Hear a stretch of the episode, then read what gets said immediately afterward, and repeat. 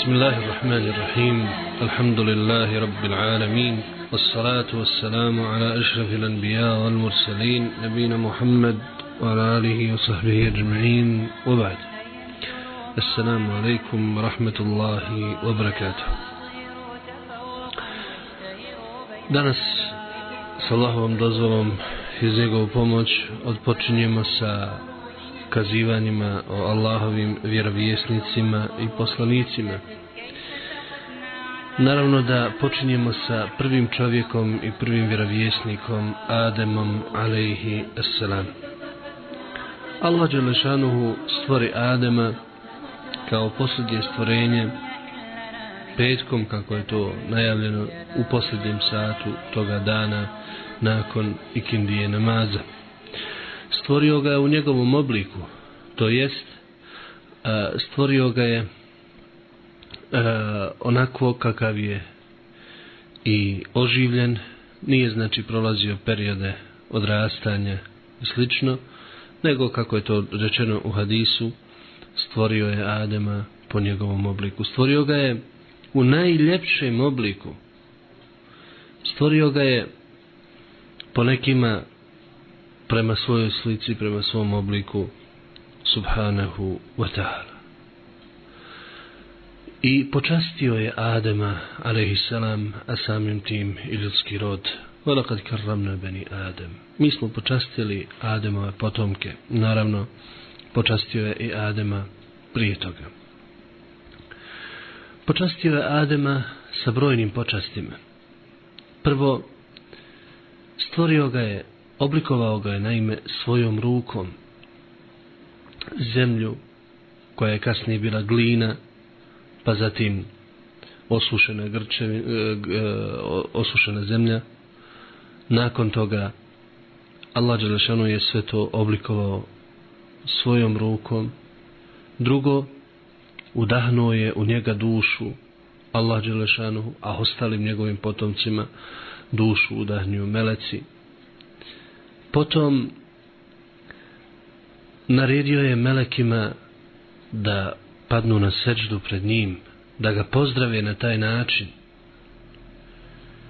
Dalje ukazao je melecima na njegovu glavnu odliku, njegovu glavnu vrijednost, a to je znanje, saznavanje, što meleci nisu posjedovali i nisu imali. Dalje nastanio ga je u svom džennetu. Dalje stvorio je za njega drugu i suprugu uz koju se treba skrasiti. Sve su to počasti za Adema a.s.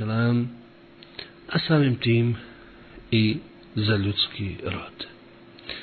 Davno nekada u početku stvaranja Allah Đelešanuhu reče melecima وَإِذْ قَالَ رَبُّكَ لِلْمَلَائِكَةِ إِنِّي جَائِلٌ فِي الْأَرْضِ خَلِيفَةً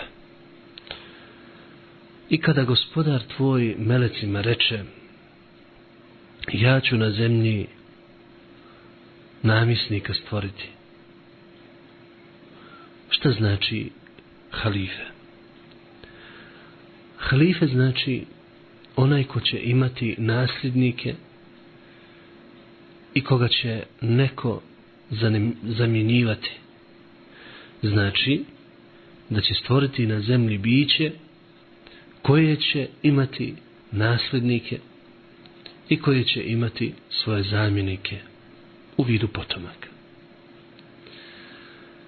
To je jedno. Drugo, stvorit ću biće koje će sprovoditi Allahovu šerijatsku odredbu. Bit će zaduženo, bit će dužno i obavezno sprovoditi Allahovu šerijatsku odredbu. A mi znamo da Allah Đelešanuhu određuje svemirsku ili kosmičku odredbu koju niko ne može odbiti i koju se niko ne može suprotstaviti. I što on hoće to i bude. I odredio je šerijetske odredbe, naredbe i zabrane i čovjeka je zadužio da ih sprovodi i da ih se pridržava. Ali nije to učinio neizbježnim, nego obavezao je čovjeka tim, pa ako bude poslušao dobit će nagradu, i bit će počašćen, a ako bude odbio, izlaže se njegovoj kazni, njegovoj srđbi i njegovom džehennemu. Znači, Allah Đelešanu je melecima najavio to. Interesantno je u ajetu da Allah Đelešanu je rekao Džailum fil ard na zemlji a nastanio ga je u džennetu, a vidjet ćemo kasnije kako je Adem a.s. došao iz dženneta na ovaj svijet. Meleci su začudili se. Kalu, a teđalu fiha men yufsidu fiha wa jesfiku dima, ونحن نسبح بحمدك ونقدس لك. I meleci rekoše, zar ćeš ti, zar će ti namjesnik biti onaj ko će na zemlji nered činiti i krv proljevati? A mi te veličamo i hvalimo i kako tebi dolikuje, obožavamo te. Šta je navelo meleke da kažu to što su rekli, iako Ademovi potomci još nisu bili na zemlji pa da to mogu vidjeti. Da li je to bilo na osnovu toga što su vidjeli bića, džine koji su živjeli prije Adem a.s. na zemlji i koji su nered činili, krv proljevali i nisu Allah Đelešanu kako treba obožavali pa su rekli tako? Ili su oni to vidjeli i pročitali u nekoj knjizi kako se to spominje od nekih? Ili su prosto bili nadahnuti da će to tako biti? Allah Đelešanu je nadahnuo pa su oni znali jednostavno desilo se da to, da to znaju ili im je Allah Đelešanu rekao ali to nije u ovom kazivanju spomenuto kao što neki kažu, jer kuranska kazivanja ne spominju sve detalje, nego samo ono što se želi istaći i što je važno za nas. Bilo ovo ili ono, oni ovo nisu rekli iz zavisti prema Ademu a.s. Nego, nego su se čudili. A Allah im odgovara i išaretom ukazuje na svoju mudrost Kale inni alemu mala talemu. Ja znam ono što vi ne znate. Allah Đelšanu govori melecima. Nakon tog ukazivanja na jednu opću mudrost Allahovu i na njegovo sve znanje, Allah Đelešanuhu kao da želi da im pokaže svrhu i vrijednost Adama a.s.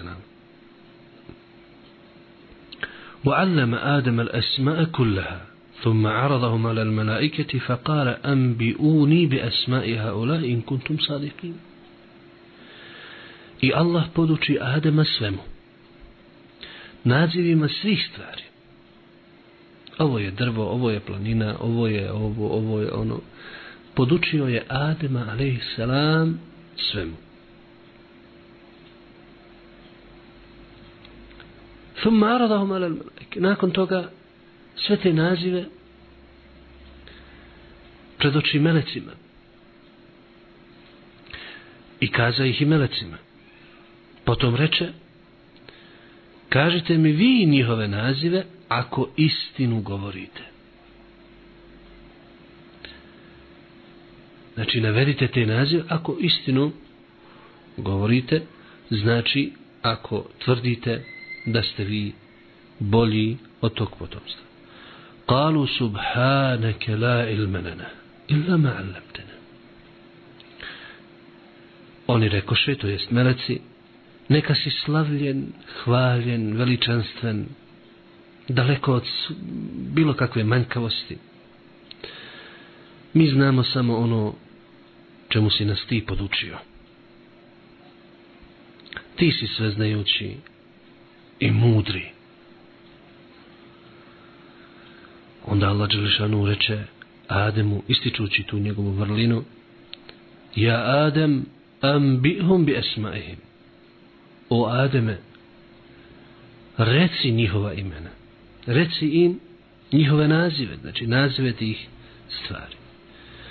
فلما أنبأهم بأسمائهم قال ألم أقل لكم إني أعلم غيب السماوات والأرض وأعلم ما تبدون وما كنتم تكتمون I Adem ih obavijesti i kaza im imena svih naziva.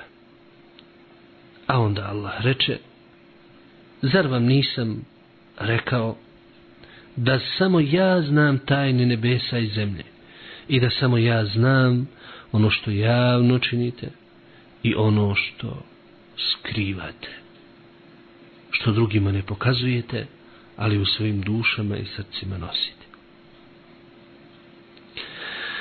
ovaj dio okazivanja o početku stvaranja Adem a.s. ukazuje nam na sljedeće prvo Allah Đelešanu je stvorio Adem a.s. iz svoje, svog saznanja i svoje mudrosti. Znači znanje i mudrost. Allah Đelešanu je odredio da Adem a.s. stvori. Drugo, ajeti ukazuju da je jedna od najvećih Ademovih vrlina saznavanje i znanje.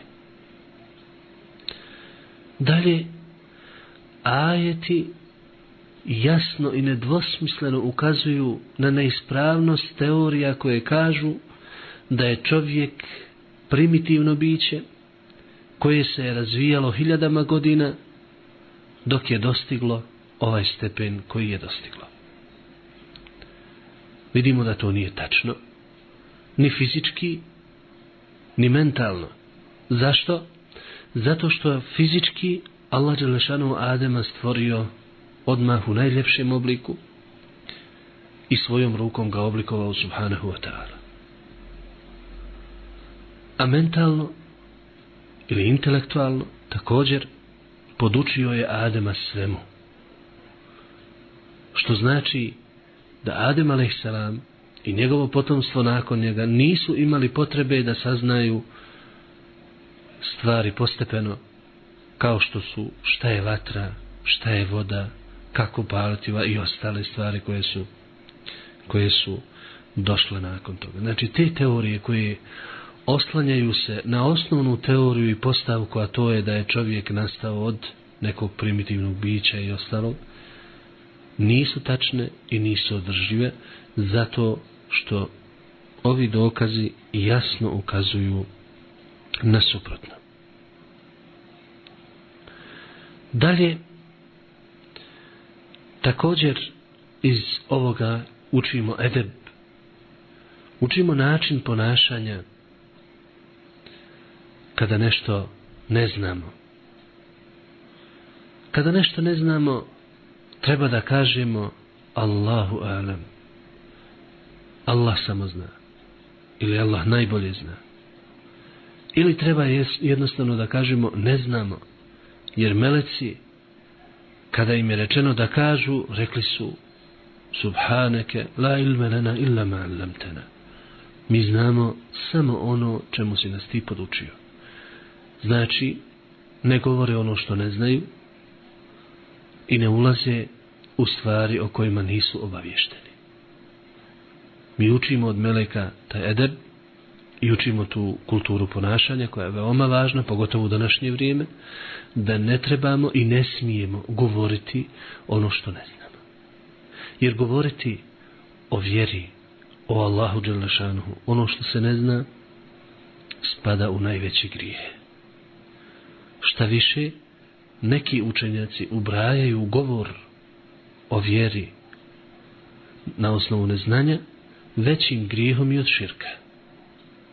Zato što je govor o vjeri u neznanju izvor svakog zla pa i samog širka. I nije Allah Đelešanuhu obožavan neispravno i nisu obožavani drugi bogovi na zemlji osim iz neznanja i sve je počelo sa govorom iz neznanja. Poslanik sallallahu alejhi ve selleme u niz hadisa jako i žestoko je zaprijetio onima koji govore a ne znaju. Pa je jednom prilikom rekao ko na mene kaže nešto što nisam rekao neka sebi pripremi mjesto u džennemskoj vatri.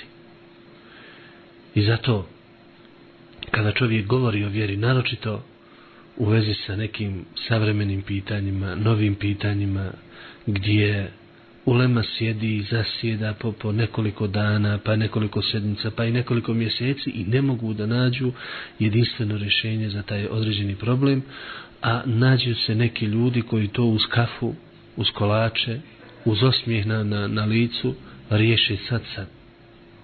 I ne samo to, nego na osnovu toga zauzimaju određene i druge stavove, praktične primjene i ostalo. To je veoma opasno, nepoželjno i vjere prijašnjih poslanika samo su na taj način i iskrivljene. Dok ovaj ummet imat će uvijek ulemu, učene, koji će sačuvati izvorno učenje i izvorni naukvire. Znači, ukratko, kada nešto ne znamo, treba da kažemo ne znamo ili sačekaj da provjerimo, a onda da kažemo. Ili ako znamo nekoga ko je učeniji i ko bi to mogao znati, da uputimo tu određenu osobu na njega. Ali nikako i ni u kom slučaju da govorimo ono što ne zna. Zatim Allah Đelešanu napominje i govori kao što smo vidjeli u ovim majetima nešto što je veoma važno i u što mi vjerujemo, a to je da samo Allah zna tajne nebesa i zemlje. Također vjerujemo da Allah Đelešanu zna ono što javno radimo i ono što tajno radimo, ono što u javnost iznosimo i ono što u svojim grudima tajimo i od drugih skrivamo. Pa ma kakvi bili naši nijeti, ima kakva bila naša dijela, Allah Đelešanu i zna. Ukoliko se naša dijela razlikuju od naših namjera, nijeta, iskrenosti, neiskrenosti, Allah Đelešanu zna i to. To nas obavezuje i to nas duži da svoje namjere, svoje nijete uskladimo sa svojim dijelima i da naša dijela budu samo i isključivo radi Allaha Đelešanu ni za koga drugoga i mi ga molimo da nam to omogući i da sva naša dijela učini samo njega radi i ni zbog koga drugog. Nakon razgovora sa melecima i ukazivanja na Allahove, odnosno Ademove, a.s. vrline, Allah Đelešanuhu kaže dalje. وَإِذْ قُلْنَا لِلْمَلَائِكَةِ وَإِذْ قُلْنَا لِلْمَلَائِكَةِ اسْجُدُوا لِآدَمَ فَسَجَدُوا إِلَّا إِبْلِيسَ أَبَى وَاسْتَكْبَرَ وَكَانَ مِنَ الْكَافِرِينَ I reko smo melek, melekima, poklonite se Ademu, padnite Ademu na srđu. Oni se pokloniše, a i blis ne htjede. On se uzoholi i postade nevjernik. Ovdje nam Allah Đelešanu govori o događaju koji se dogodio u toj davnoj prošlosti. Naredio je naime melecima da Ademu padnu na seđdu. Kažu naši učenjaci, to je bila seđda pozdrava, a ne seđda ibadeta. Jer mi imamo dvije vrste seđde. Seđda pozdrava i seđda ibadeta. Što se tiče seđde ibadeta, ona nikada i nikome nije bila dozvoljena osim Allahu Đelešanu. I nikada Allah Đelešanu nije naredio nikome da je učini bilo kome drugom osim njemu. I tako vrstu seđde sa ljubavlju, veličanjem, obožavanjem, poniznošću, skrušenošću, dozvoljeno je činiti samo Allahu Đelešanu. Bilo kome drugom, to se smatra širkom, najvećim neoprostivim grijehom. I druga vrsta sežde, to je sežda pozdrava. Na taj način su pozdravljali jedni druge. I u ovom slučaju Allah što naredio da tako učini pozdrav Ademu, da pozdrave Adem a.s. To su radile Jusufa braća, sa Jusufom kao što se spominje u suri Jusuf. I to je bilo dozvoljeno u prijašnjim narodima kako se to spominje u nekim izvorima. Prijašnjim narodima to je bilo dozvoljeno. U našem šerijatu to je dokinuto i to je zabranjeno. Dokaz da je dokinuto i zabranjeno je hadis u kome stoji da je jedan od ashaba nakon dolaska iz Šama na taj način je pozdravio poslanika sallallahu alejhi ve sellem. Pa je poslanik sallallahu rekao šta to radiš? On je rekao vidio sam da oni pozdravljaju svoje velikane na takav način, ti si preči da te pozdravljamo na taj način, a onda je poslanik sallallahu rekao e, uh, u značenju tog hadisa da se to samo radi Allahu Đelešanu, da, da nikome više i da ikome dozvolio da ili naredio da, da padne na seždu, naredio bi ženi da padne seždu, na, na seždu mužu zbog njegovih prava prema, prema njoj. U svakom slučaju znači ova sežda je sežda pozdrava, a ne sežda i badeta i ovom umetu je to zabranjeno i nije dozvoljeno naklanjati se bilo kome u vidu rukua ili u vidu sežde, nego propisano je da se pozdravlja rukovanjem i nazivajući selam i druge prigodne riječi prilikom pozdrava. Dalje vidi se ovdje poslušnost meleka kao što je Allah našano je opisao la jasun Allahema amarahum wa jefalune ma umarun oni nisu nepokorni kada im se nešto naredi i rade samo ono što im se naredi. I meleci su svi pali na seštu da li je to bila grupa meleka? Da li su to bili svi meleci? Ili samo neki odabrani. Ajet ukazuje da su bili svi. I da to nije bila samo grupa a Allah Đelešanu najbolje zna. Jer je opće karaktera i ne ograničava i ne izuzima bilo ko, u koje meleke e, nego govori o svima. Međutim dogodilo se nešto drugo a to je da je među melecima bilo jedno biće to je Iblis. Bio je s njima prije nego što je postao i dobio Iblis i dobio taj naziv. Naime, on je bio džin. Kane minel džinni, kao što Allahšanu kaže. Bio je džin i nije bio melek. Međutim, isticao se u svojoj pokornosti, bio je pokoran, činio ibadet i dostigao je stepen da bude u društvu meleka. Iako nije bio od njih. I kada je Adem stvoren, on je osjetio zavist. Osjetio je zavist i veliku ljubomoru. Kada je Allah Đelešanu naredio da padnu na seđdu melecima, a i on je bio s njima, on je to odbio. Eba was takbar uzoholio se. Znači, oholost je bila razlog njegovog odbijanja sečti. Šta se dogodilo? Zašto? Vidjet ćemo iz Allahovih riječi u kojima opisuje taj događaj i u kojima se vodi razgovor između Allaha Đelešanuhu i Iblisa. Naime, u drugom ajetu Allah Đelešanuhu je rekao وإذ قال ربك للملائكة إني خالق بشرا من صلصال من حمأ مسنون. فإذا سويته ونفخت فيه من روحي فقعوا له ساجدين. فسجد الملائكة كله مجمعون إلا إبليس أبى أن يكون مع الساجدين.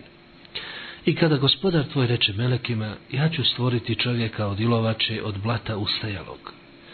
I kada mu lik dam i u njeg udahnem dušu, vi mu se poklonite, vi mu na seždu padnite. Svi meleki su se zajedno poklonili, osim Iblisa, on nije htio da se s njima pokloni. Kale ja Iblis, meleke, alla takune ma sađidin. O Iblis, reče Allah Đelešanu, zašto ti nećete da se pokloniš? Zašto nisi pao na seždu? Allah Đelešanu zna ali želi da on to kaže. Kala lem akun li asjud li bešarin halaktahu min salsal min hama i masnun. Nije moje kako ću ja da padnem na seždu čovjeku koga si stvorio od ilovače od ustajalog blata. Kale fahruđ minha fa inneke rađim. Allah Đelešanu tada mu reče, onda izlazi iz dženneta. Jer ti si proklet. Znači, neka si proklet, Allah Đelešanu mu reče. Rađim znači udaljen od svake i bilo kakve milosti i dobrote. Wa inna alejke la'na ila jevmi din. I prokledstvo će te pratiti do sudnjega dana. Nakon tog događaja, Iblis, umjesto da se pokaje, on dublje i dublje tone u svoju zabludu. I umjesto da traži oprost za svoje oholose, svoje grijehe, on kaže Rabbi fa anzirni ila jevmi yub'athun. Gospodaru moj, odgodi mi smrt, odnosno poživi me do dana proživljenja. Vidite ovdje kako iz njegovih riječi on vidi se da zna osnovne postavke vjerovanja da Allah Đelešanu gospodar, da on daje život i smrt i da će doći dan kada će sve biti proživljeno. Allah mu tada reče, kale fe inneke minel munvarin, daje ti se rok. Ila jeumil vaktil ma'lum, do dana čiji je rok poznat. Znači već određenog dana. Koji je to dan, samo Allah Đelešanu zna kada će se dogoditi. Znači to proživljenje i smak svijeta. Dalje Iblis kaže, kala rabbi bima agvajteni, le uzajinenne lahum fil ardi, ve le ujennehum ajma'in.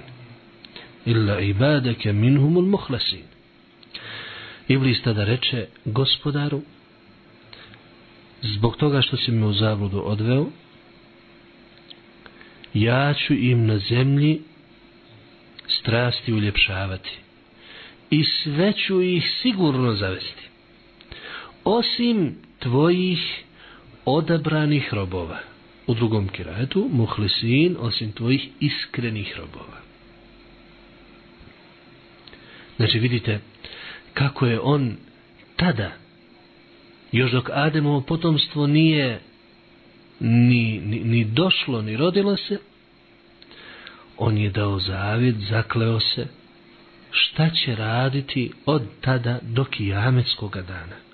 A to je da će na zemlji ljudima strasti uljepšavati, poroke i slično, i da će sve ljude zavesti.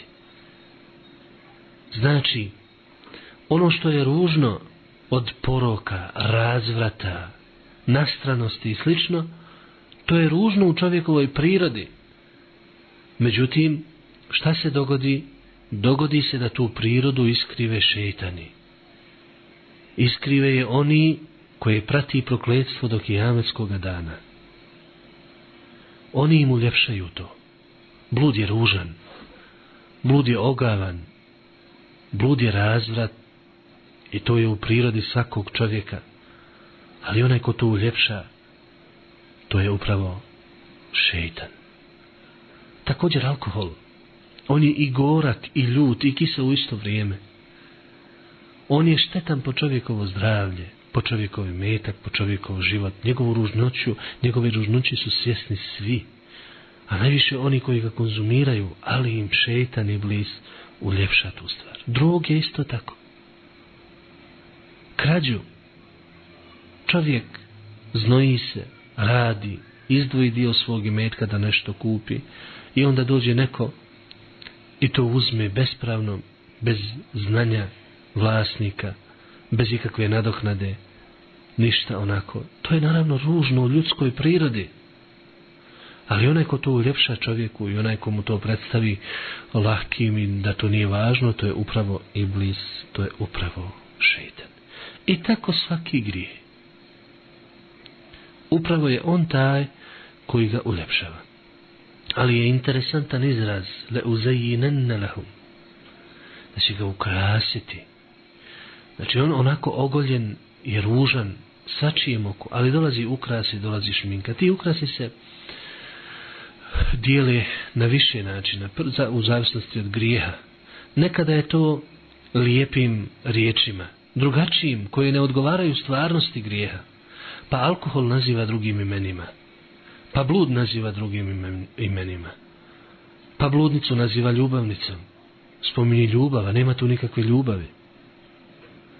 Pa recimo alkohol naziva m, e, duhovno piće ili ne znam ja, ili idemo u oblake kada je u pitanju droga i tako dalje. Sve te stvari upravo uljepšava tim imenima, nazivima. Također, e, te grijehe uljepšava umanjujući posljedice u očima onoga koji to čini. Pa tek kada učini određeni grije, onda vidi šta je uradio kada te šminke, kada tih ukrasa nestane i kada vidi gole posljedice svojih postupaka. Vole ugujennehum ađmein i sve ću iz pravog puta skrenuti, sve ću ih zavesti. To je njegov krajnji cilj. I zbog toga kažu naši učenjaci, njegov prvi cilj je nevjerovanje, negiranje i slično. Znači da čovjek bude nevjernik i da ne vjeruje Allah Đelšanu i njegove poslanike. To je njegov prvi cilj. Ali je posljednji u smislu praktičnih koraka ka njegovom cilju. Zato što počinje sa grijesima, pa malim grijesima, pa velikim grijesima, pa sa ustrajanošću na te grije, pa onda dolazi sa miljenjem poslaničkih vjera, sa novotarijama i onda tek dolazi sa nevjerstvom i kufrom. Zbog toga se treba dobro čuvati kao što ono kaže vela je urannekum billahi l-garur i ne dozvolite da vas u Allaha zavara šeitan koji je varljiv i mnogo zavarava. Treba se čuvati i pokušati biti od ove odabrane skupine el muhlasin koje je Allah odabrao koji su njegovi iskreni robovi. Muhlasin kako stoji u drugom kirajetu. Kao odgovor na ove njegove riječi Allah kaže Hada siratun alejje mustaqim. Ovo je pravi put koji vodi meni. In ibadi lejse leke alejhim sultan illa meni teba'ake min al gavi. Ti nad mojim robovima nećeš imati nikakve vlasti, kaže malo odlešeno. Imat ćeš je samo nad onima zalutalima koji te budu slijedili. وإن جهنم لموعدهم أجمعين A za sve njih mjesto sastanka je džehennem. Leha seb'atu abab li kulli babi minhum džuz'u maksum. Džehennem ima sedam vrata, a na svaka vrata će određeni dio njih ući. Innal muttaqina fi jannatin wa uyun udkhuluha bi salamin aminin. A bogobojazni vjernici u džennetima će uživati u bašćama i u izvorima. Uđite u džennet sigurni i svakog straha oslobođeni. I tako dalje. Allah Đelešanu navodi šta ih sve čeka. Znači, Allah Đelešanu je obećao čuvati vjernike od iblisa i njegovih spletki i bret je samo u tome da mi budemo njegovi robovi, ništa više. A njegovi robovi ćemo biti ako budemo vjerovali u njega, njegove meleke, poslanike, objave, sudnji dan i budemo pokoravali se njegovoj naredbi i klonili se njegove zabrane. Samo na taj način ćemo biti njegovi robovi, a samo na taj način ćemo moći se sačuvati ovih spletki i ovih prijetnji koje je uputio tada u to davno vrijeme Allahov neprijatelj i naš otvoreni neprijatelj Iblis, neka je Allahovo prokletstvo na njega. Nakon navedenog razgovora sa Iblisom, Allah dželešano se obraća Ademu i kaže mu, kulna je Adem, uskun anta wa zauđu kel džennete, va kula minha wa hajthu ši'tume, hadhihi ash-shajarata fatakuna min adh-zalimin I mi rekao smo, o Ademe, živite ti i tvoja žena u džennetu i jedite u njemu koliko god želite, i odakle god hoćete, ali se ovom drvetu ne približavajte pa da sami sebi nepravdu nanesete. U ovom majetu prvi put se spominja Ademova supruga. Hadis je pojasnio kako je a, Ademova supruga Hawa stvorena. Stvorena je od Ademovog rebra. U nekim predajama koje nisu potvrđene od Israelijata, navodi se da Adam ali se nam zaspao i tako dalje, probudio se, našao nju i tako dalje. U svakom slučaju, hadis je jasan da je žena, prva žena stvorena od Ademovog rebra. Jelo Đelešanu im je rekao da se nastane u džennetu. Rekao im je da mogu da jedu koliko žele. I odakle god hoće, samo tom drvetu da se ne približavaju. I ako se tom drvetu približe, tada će biti nasilnici. To jest počinit će grije. O čemu se radi? Kakvo je to drvo? Allah samo zna. Da li to bila jabuka ili neko drugo drvo koje se spominje, Samo Allah Đelešanu zna. To nam nije pojašnjeno, a to što se spominje u nekim izvorima prije nije provjereno i nije pouzdano. A nije nam ni važno, jer kako kažu učenjaci, određeni detalji koji nisu bitni za sam događaj i iz koji se ne može uzeti pouka, često nisu ni spomenuti u samom Kur'anu. Kao što je slučaj o toj vrsti stabla ili vrsti drveta s koje su pojeli plod Adem i Havva. Spominje se priča da Havva je ta bila koja je pojela, a Adem ali se nam nije, pa je nastala ova jabučica koja postoji kod muškaraca, međutim to nije tačno. Nije tačno iz, iz prostog razloga, što u sljedećem ajetu ispod Allah Želešanu jasno kaže fa akalamina i oni su pojeli plod s tog drveta. Znači, u dvojini i Adem i Hava pojeli su plod sa tog drveta. A ova jabučica to je Allahovo stvaranje za čovjeka. To ne postoji čak i kod nekih žena, naročito koje su nešto mršavije. Tako da to ne može biti nikakav dokaz i ta priča nije potvrđena. Spominje se u nekim izvorima također i zmija, ali i ona nije potvrđena i ne spominje se u ajetima i vjerodostojnim hadisima. فأزلهما الشيطان عنها فأخرجهما مما كان فيه I šeitan ih navede da zbog drveta posrnu i izvede ih iz onoga u čemu su bili. Iz dženneta. Da li je to bio pravi džennet, onaj ko, u koga će vjernici ući nakon sudnjega dana, ili neki drugi, e, većina učenjaka smatra da je to džennet u koji će vjernici ući nakon kijametskog dana, a da to nije neko, neka bašća ili neko brdo ovdje ili onde, nego pravi džennet, što se jasno vidi iz hadisa o šefatu koji je zabilježen u Buhari u kojem stoji da je Adem a.s. rekao vjerni, da će Adem a.s. reći vjernicima kada dođu kod njega, a zar vas je iz dženneta izvelo išta drugo nego grijeh vašeg oca. Znači, to je taj džennet u koji oni očekuju da će ući nakon presude, nakon kijametskog dana. Počinili su grije. I kako se ovdje kaže, šeitan ih je naveo da posrnu. Šta se tad dalje događalo? Allah Đelešanu kaže وَقُلْ نَهْبِتُوا بَعْدُكُمْ لِبَعْدِنْ أَدُوا i bi im rečeno siđite, spustite se. Jedni drugima ćete neprijatelji biti, a na zemlji ćete boraviti do, i do roka određenog živjeti. Kul ne bidu, badukum li badi nadu, volekum fil ardi mustakar, u meta. Siđite, spustite se, bit ćete jedni drugima neprijatelji. Šta to znači bit ćete jedni drugima neprijatelji? Znači neprijateljstvo između ljudi samo, a isto tako između šeitana i ljudi. Ulakum fil ardi mustakar i živjet ćete na zemlji u meta ilahi do određenog roka.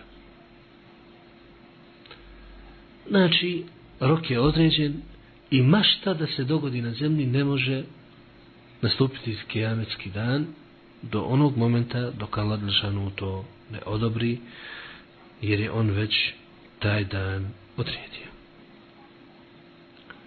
Posljedica grijeha je stigla. I to je ono što je opasno kod grijeha. Iako se pokaješ, posljedica tvojeg grijeha će stići. Oni koji bludniče i dobiju neku kao posljedicu svog bluda bolest, kao što je sida i slično ili neko drugo bolest, oni se mogu pokajati, njihova pokajanje će biti u redu, ali posljedicu tog svog grijeha neće moći ukloniti. Neće moći izliječiti. Isto tako koji, koji troše drogu, koji troše alkohol. Oni se mogu pokajati, ali svoje zdravlje više nikada neće vratiti. I ono što je bilo neće moći popraviti ako su nešto uradili u tom svom pijanstvu ili dok su drogirani. I tako svaki grijeh. فتلقى آدم من ربه كلمات فتاب عليه I Adem primi neke riječi od gospodara svog, pa mu on oprosti. Innehu huwa at-tawwab ar-rahim. On doista prima pokajanje i on je milostiv. Šta se dogodilo? Nakon tog grijeha, kao što Lešan opisuje, u ajetima febedet lahuma se u atuhuma. Pokazali su se njihova stidna mjesta. Pa im je rečeno za vam, nije zabranio to, zašto ste to uradili? Ali ne, i blisova zavođenja bila su jaka, bila su žestoka. Postavlja se pitanje kako je Iblis mogao zavoditi Adema i Havu kada je protjeran iz dženneta, a oni ostali u džennetu. Kažemo, Nije nam to pojašnjeno. Allah zna kako se dogodilo. Kako se to zavođenje i došapljavanje desilo. Allah samo zna. U svakom slučaju Kur'an jasno govori da je on imao kontakte sa Ademom, alaihissalam, i sa njegovom suprugom nakon tog prokledstva i on je pokušao prvo njih da zavede u čemu je i uspio. Obećavao im je. Govorio da je to drvo vlasti, da je to drvo vječnosti. Vidite kako je došao sa dvije stvari koje su primamljive za čovjeka. To je vlast, to je vječnost, čovjekova želja. Govorio i kleo im se. I nakon tih zahletvi, oni su pojeli to, zaboravili su to zaboravili su i onda su počinili taj grije. Onda su rekli, kala rabbena zalemna enfusena, wa ilim takfir lana wa tarhamna lana kunene minel hasirin. Oni rekoše, gospodaru naš, mi smo nasilje sebi nanijeli, nepravedni bili. Ako nam ti ne oprostiš i ne smiluješ se na nas, mi ćemo propasti. Ali Allah je milostiv i prihvatate obo onih koji se pokaju i prihvatio je teobu Adem a.s. i njegove supruge. Ali kao što smo rekli, posljedica grijeha bila je silazak na ovaj dunjalog i sve ovo što se dešavalo poslije sa Ademovim potomstvom, tako da jedan od učenjaka kaže da je ljudski rod na izdržavanju kazne u zatvoru kao što ga je poslani se nam nazvao u hadisu koji zabilježio ima muslim, e dunja siđnul mu'min, dunjaluk je zatvor za vjernika. I ovaj svijet nije stalan. I nije to mjesto gdje čovjek treba da se skrasi. On je ovdje samo na proputovanju. Nakon toga on odlazi i vraća se svojoj prvoj kući zbog koje je stvorena, to je džennet. Došao je ovdje sa određenom zadaćom, a to je da obožava Allaha Đelešanu, da obožava svoga gospodara, da izvrši njegovu naredbu i ostavi njegovu zabranu, da ljudima oko sebe čini dobro, da ljude oko sebe upućuje na dobro, a nikako da čini zlo. To je suprotno svrsi stvaranja. I nakon toga dolazi dan koji svi očekujemo, a to je preseljenje. odlazi i to preseljenje koje ne određuješ ti, nikad nikako, nego određuje Allah, gospodar svjetova, i ono se ne može izbjeći. Umeta ilahin. Do određenog roka boravite i živite. Posle toga dolazi povratak. Voruddu ila Allahi maulahum al-haq. I oni su se vratili svome gospodaru istinskom, koji je istina. Dalje Alešanu kaže, kul nehbitu minha džemijan. Rekli smo, izlazite iz dženneta svi. Fa imma jeti ennekom minni huda, fa men tebija hudaje, fa la haufun alejhim, ala hum jahzenun. Dolazit će vam od mene uputa. Pa oni koji budu slijedili moju uputu, neće je strahovati i neće se žalostiti. وَالَّذِينَ كَفَرُوا وَكَذَّبُوا بِآيَاتِنَا A oni koji budu uznevjerovali i negirali naše ajete, ulaike ashabu nar, to će biti stalne džehennemlije, hum fiha halidun. I u njemu će vječno boraviti za uvijek. Znači ova dva ajeta Allah Đelešanu poručuje ljudskom rodu da će im dolaziti uputa. I tako je i bilo. Dolazili su poslanici od Nuha a.s. do Muhammeda sallallahu a.s. Dolazili su en i'budu Allahe Ola tu šiku bihiše. Allaha obožavajte. Nemojte mu širka činiti. Stalno su to ponavljali. Stalno su to govorili. Budite Allahovi robovi. Nemojte biti robovi svojih strasti. Nemojte biti robovi šeitana direktno ili indirektno.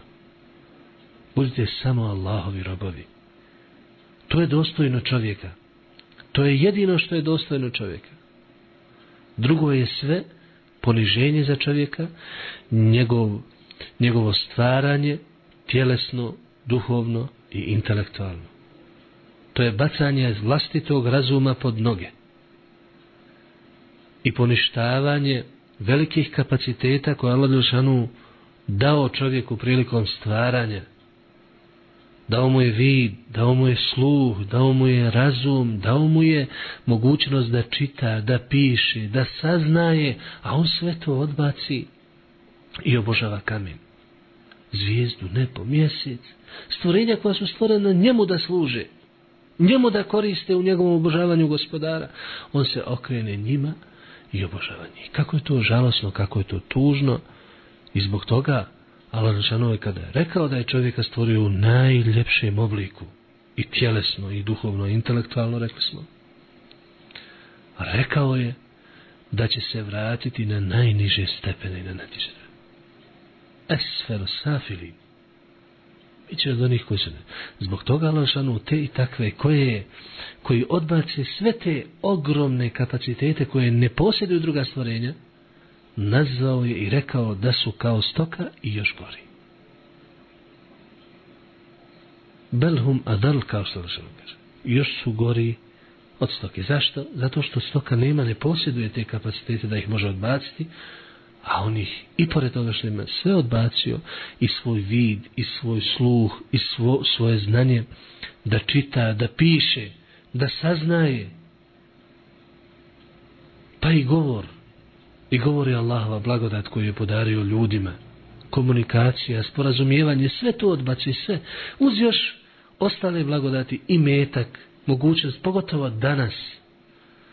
Danas, kada se Dunjaluk otvorio ljudima, kada su e, sredstva komunikacije dostupna svima, kada su uistinu raznovrsna, kada se čita i piše kao nikad, ali izgleda da se na Allah zaboravilo kao nikad. Uprkos svim tim blagodatima. Ima i onih koji koriste te blagodati. I njihov broj se povećava, hvala Allahu Đelšanu na tome. Ima i onih koji svoj sluh koriste za ono što je korisno, svoj vid za ono što je korisno. To što znaju čitati i pisati, što je danas slučaj sa većinom stanovništva, koriste u korisne srhe saznaju jezike, koriste savremene načine komunikacije poput interneta, poput telefona, televizije i ostalog u svrhu saznavanja Allahu Đelšanu vjeri, spoznaje i slično. Zato otvori se. Pusti neka spoznaja dođe do tebe, ona je oko tebe, samo je do tebe da malo otvoriš oči, sluh, srce i da trezveno razmišljiš o sebi i svom životu i vidjet ćeš gdje si sad, gdje ideš? I šta treba da uradiš dok si živ, da ti život ne bi prošao? Ni u šta.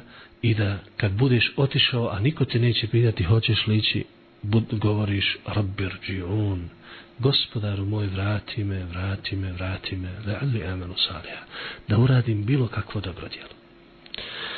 Molimo Allah Đelešanu da nas sačuva toga i da nas učini od onih koji će slijediti uputu i od onih koji neće strahovati od onoga što dolazi nakon smrti, niti će žalostiti se za onim što su ostavili, jer odlaze u bolje i veće.